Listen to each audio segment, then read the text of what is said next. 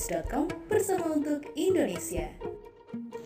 Halo Sobat Holopis, balik lagi saya Ronald Steven nih di program kesayangan kita yakni Cabi atau baca berita di holopis.com Seperti biasa pada hari ini ada beberapa pilihan yang sudah kita siapkan khusus untuk Anda para Sobat Holopis yang mantengin di Spotify Holopis kita di berita pilihan pertama kita ada dari sirkuit Mandalika, di mana Kapolda NTB pastikan keamanan di pelaksanaan WSBK atau World Superbike di Mandalika tahun 2021. Kapolda Nusa Tenggara Barat Irjen Muhammad Iqbal memastikan bahwa acara tersebut akan berlangsung aman dan lancar. Bahkan ia menyebut bahwa seluruh akses menuju kawasan Pertamina Mandalika sudah disiagakan pasukan pengamanan. Yang jelas kita dari lima koridor utama, pintu utama di bandara dan empat labuan laut bandara itu Bandara Internasional Lombok dan juga Pelabuhan Gilimas, Lembar, Kayangan, dan Bangsal, kata Iqbal. Pasukan pengamanan terdiri dari tim keamanan gabungan termasuk pemerintah daerah hingga unsur TNI. Kita sudah mempersiapkan semua personil pengamanan dan tentunya bergabung dengan TNI dan seluruh stakeholder. Dan mudah-mudahan seluruh rangkaian kegiatan yang ada di sirkuit Mandalika ini bisa berlangsung dengan aman dan memberikan kebanggaan bagi kita negara Indonesia ya. Lanjut di berita selanjutnya ini temui Menteri Pertahanan Amerika Serikat, Menteri Pertahanan Prabowo lanjut lobby untuk pengadaan F-35 nih. Menteri Pertahanan RI Prabowo Subianto bertemu dengan Menteri Pertahanan Amerika Serikat Lyle Austin untuk memperkuat kerjasama pertahanan antar kedua negara. Pertemuan itu sendiri kemudian menghasilkan kesepakatan antara Indonesia dengan negara paman SAM tersebut, khususnya di bidang pertahanan. Saya baru saja menyelesaikan pertemuan luar biasa dengan Menteri Pertahanan Indonesia, Prabowo Subianto. Kami membahas pentingnya Kementerian Pertahanan Amerika Serikat dan juga Indonesia. Kata Menteri Pertahanan Amerika Serikat Lyle Austin dalam akun Twitter resminya. Austin dalam potongan video berdurasi 20 detik tersebut juga mengungkapkan bahwa pihaknya menyepakati aturan yang menjunjung tinggi hukum internasional di Indo-Pasifik. Visi bersama kami untuk tatanan berbasis aturan di Indo-Pasifik yang menjunjung tinggi hukum internasional. Dan mudah-mudahan tadi ini kerjasama pertahanan bisa berlangsung dengan aman dan juga bisa uh, tetap berlangsung dengan baik ya. Lanjut ke berita lainnya nih. Ada berita dari dalam negeri yang ini mengenai pencegahan gelombang ketiga COVID-19, Mendagri akan keluarkan aturan libur Nataru.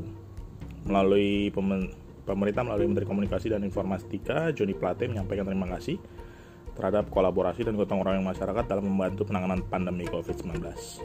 Joni menyebut hingga saat ini di Indonesia dinilai cukup berhasil dalam mengendalikan gelombang COVID-19. Keberhasilan ini harus kita pertahankan karena pengadilan COVID-19 akan menentukan keberhasilan kita di sektor lain, termasuk di sektor pemulihan ekonomi.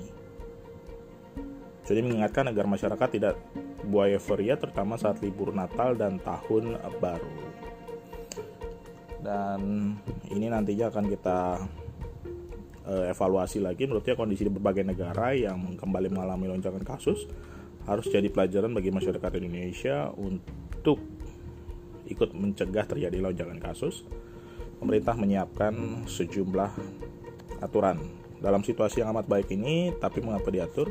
Agar tidak berpotensi untuk gelombang ketiga, keberhasilan itu amat ditentukan oleh kesadaran masyarakat. Dan semoga ini tidak tercapai ya, ataupun juga gelombang tiga tidak terjadi di Indonesia. Demikian beberapa rangkuman berita yang saya bisa sampaikan di edisi kali ini. Saya Ronald Steven, pamit undur diri dulu dan salam sehat selalu. Sampai jumpa holopis.com bersama untuk Indonesia. Halo Sobat Holopis, apa kabar? Seperti biasa, saya akan menginformasikan rangkuman berita yang bisa Sobat Holopis baca selengkapnya di holopis.com. Untuk berita pertama datang dari Densus 88 yang mewaspadai seruan jihad lawan pasukan khusus pemberantasan teroris. Densus 88 anti teror Polri berlakukan status waspada terkait adanya unggahan seruan jihad untuk melawan pasukan khusus pemberantasan teroris. Seruan itu tersebar di media sosial. Kepala Bagian Bantuan Operasi Densus 88 Anti Teror, Polri Kombes Pol Aswin Siregar mengatakan, pihaknya tak akan terpengaruh dengan unggahan-unggahan provokasi tersebut. Sehingga Densus 88 tetap fokus melakukan operasi pencegahan dan penindakan terorisme di Indonesia. Sebuah tangkapan layar di pesan grup WhatsApp beredar di sosial media berisi seruan jihad melawan Densus 88 anti teror Polri. Pesan itu turut mengajak umat untuk membakar Polres-Polres.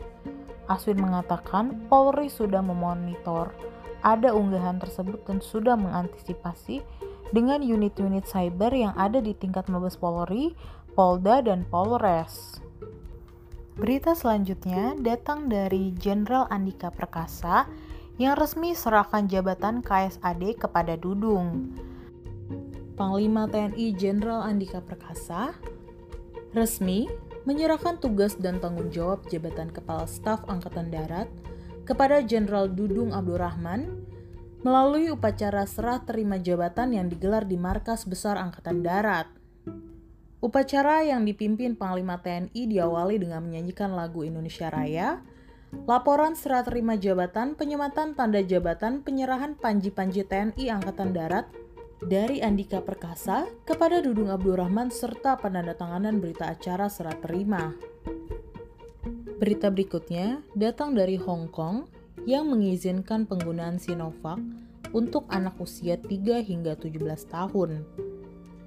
Keputusan tersebut diambil seiring dengan kampanye Hong Kong agar seluruh penduduknya sudah bisa divaksinasi. Selain itu, pemerintah Hong Kong mengatakan pihaknya telah membeli 1 juta dosis vaksin BioNTech untuk dosis ketiga. Seperti diketahui sebelumnya, Hong Kong mengikuti perintah Beijing untuk semakin memperketat pembatasan pandemi. Keputusan ini justru semakin meringankan protokol kesehatan demi kelancaran ekonomi. Berita selanjutnya datang dari penemuan bayi yang berusia 3 minggu yang dibuang di dalam box Shopee Food. Bayi perempuan yang diduga berusia 3 minggu ditemukan di dalam box Shopee Food berwarna orange. Penemuan bayi ini berada di Jalan Lingkar Timur, Desa Wadung Asik, Kecamatan Buduran, Sidoarjo. Warga yang menemukan box tersebut bernama Budiono yang menemukan sekitar pukul 5.30 Sabtu 20 November 2021. Polisi pun segera membawa bayi mungil tersebut ke puskesmas Buduran untuk mendapat perawatan lebih lanjut. Polisi akan menyelidiki kasus penemuan bayi ini. Demikian rangkuman berita dari saya Selvi Anggriani. Holopis.com bersama untuk Indonesia.